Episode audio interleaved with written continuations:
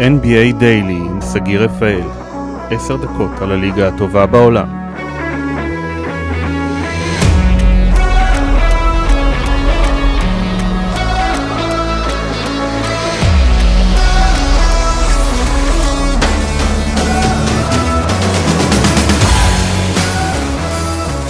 ברוכים הבאים, ברוכים הבאים, פודקאסט חדש, פרק פיילוט, יוצאים לדרך, יאללה.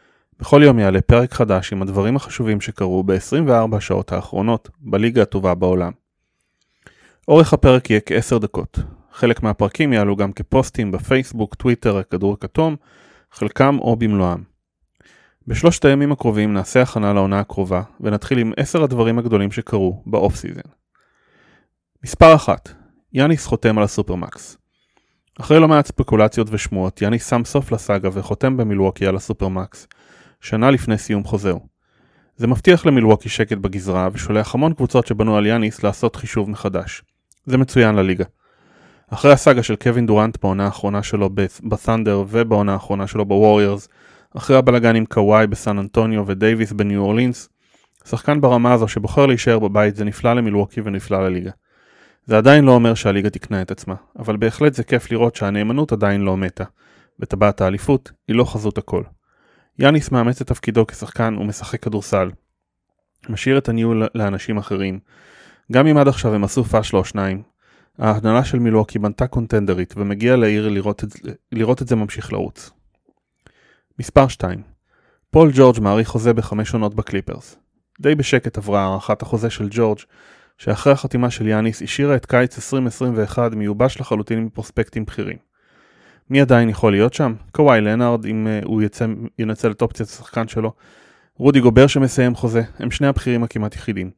יש לא מעט שחקנים כמו קריס פול ולמרקוס אולדרידג' אבל הם הרבה מעבר לשיא. זה יהיה מצוין לקלי אוברס של הליגה. רע לקבוצות שיש להן כסף. הקליפרס מצידם עשו את הדבר הכי נכון והכי רע מבחינתם. הכי נכון כי הם לא ימצאו מחליף ברמה של ג'ורג' בשוק החופשי בקיץ הבא, וברגע שיש אופציה לנעול שחקנים ברמה הזאת, עושים את זה. הכי רע כי ג'ורג' רק במרחק שנה וחצי מכושר השיא שלו, אבל איזה שנה וחצי רעות אלו היו. שתי הופעות פלייאוף מזעזעות, חוסר מודעות שרק קיירי מתחרה בו, וקיירי מנצח בקלות, ולא מעט סכסוכים ברמה הקבוצתית. לקליפרס עם שני סופרסטארים עדיין אין מנהיג. אם טיירון לו לא יהיה המנהיג הם יהיו בבעיה. אי אפשר להביא לקונטנדרית מנהיג מבחוץ. מספר 3 ארבעה שחקנים מדראפט 2016 מקבלים הארכת חוזה. מקסימום. הבחירה השלישית ג'ייסון טייטום, הבחירה החמישית דיארון פוקס, הבחירה ה-13 דונובן מיטשל והבחירה ה-14 באמה דביו. כולם נחשבים לדזגנייטד רוקי ולכולם יש סעיף דרק רוס בחוזה. על מנת להפעיל אותו הם צריכים להיבחר לאחת מחמישיות הליגה בעונה הקרובה או להיבחר ל-MVP או שחקן ההגנה של העונה. מחר נדבר בפירוט על דראפט 2016 אבל שני דברים שכדאי לשים לב אליהם. אחד, זה הכי הרבה חוזי designated rookies שזכורים לי, וזה לא כולל בכלל את שתי הבחירות הראשונות. שתיים, שימו לב לאופציית השחקן שטייטום ומיטשל שמו בעונה החמישית. זה מקצר את הזמן של בוסטון ויוטה לבנות סביבם. יוטה כבר שילמה על זה פעם אחת שאיבדה את גורדון היוורד דווקא כשהייתה במומנטום חיובי מבחינת בניית הסגל. מי לא קיבל הארכת חוזה? ג'ון קולינס שחשב שמגיע לו חוזה מקסימום, אטלנטה לא הסכימה איתו, ואפילו הביאה שחקן ב-20 מיליון דולר על העמדה שלו. זה ממש לא הולך להיגמר טוב. גם אם אטלנטה רק רוצה לראות את קולינס עוד עונה, השחקן יראה את זה כפגיעה קשה במעמד שלו. ההנחה שלי היא שאטלנטה לא מתכוונת לתת לקולינס את החוזה שהוא מבקש, ותבדוק את השוק שלו בעונה הקרובה. צפו ל trade.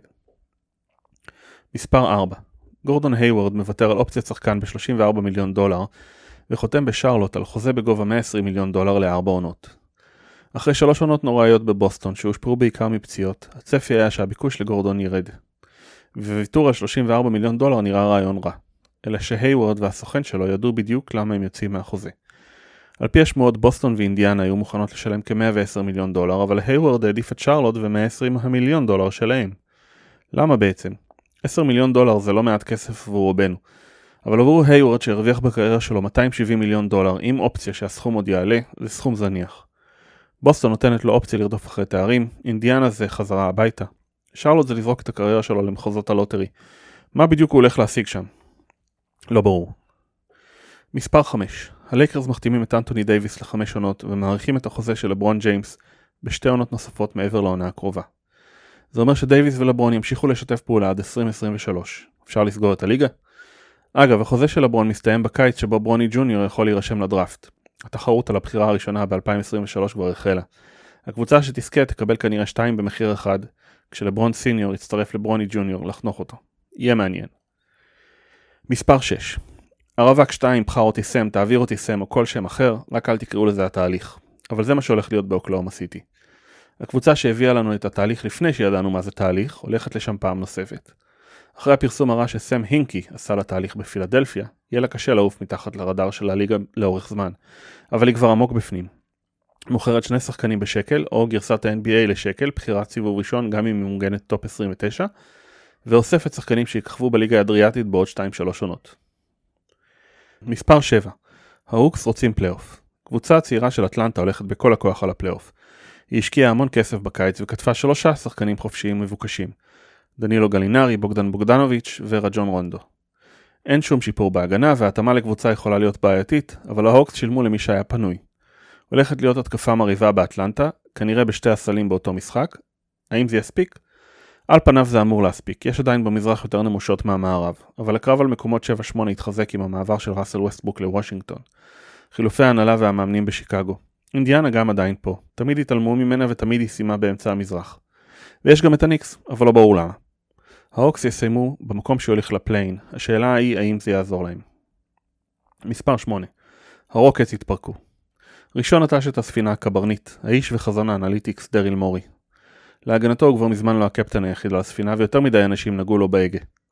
ווסטברוק והרדן כמעט מיד רצו לברוח, אז ווסטברוק כבר במקום אחר ולגבי הרדן השאלה היחידה היא מה הרוקטס יקבלו בחזרה ומתי זה יקרה. זה אמור לקרות ממש מהר לפי שמועות מרחבי הליגה. מורי רוצה את שחקן הדגל שלו גם בקבוצתו החדשה, מיאמי, מילווקי וברוקלין גם ברודפות. הדרישות של הרוקטס בשמיים, אבל במצוקת הקבוצות לשחקנים ברמה של הרדן, סיכוי סביר שמישהו יענה להם בקרוב. קצת עצוב בשביל ג'ון וול ודמרקוס קזנס שהגיעו לספינה טובעת, אבל איכשהו ככה נראית הקריירה של השניים. מספר 9 רודי גובר מקבל הצעה להארכת חוזה מקסימום ודורש את ה supermax. סנטרים כבר מזמן לא מצרך מבוקש בליגה, אבל את רודי גובר זה לא מעניין. אחרי שנבחר פעמיים לשחקן ההגנה של הליגה, גובר זכאי ל supermax, ואם אפשר אז למה לא לדרוש? צריך להבהיר שעם כל הירידה בערכו של הסנטר, גובר עדיין Game Changer משמעותי בהגנה, ובהתחשב בקיץ השחון שכבר דיברנו עליו, אין לו שום סיבה להסתפק ב max. יוטה תקועה במלכוד 22, אם לא תשלם סיכוי סביר שגובר יעזוב בקיץ הבא, גם אם זה לקבוצה שיכולה לשלם לו רק את ה max הרגיל. אם תשלם, ביחד עם חוזה המקסימום של דונובין מיטשל שיתחיל בעונה הבאה, לא, לא תישאר לה שום גמישות כלכלית. עוד לפני החוזה של גובר היא כבר ב-94 מיליון דולר, וסופרמקס בוודאות יקרב אותה לסף המס.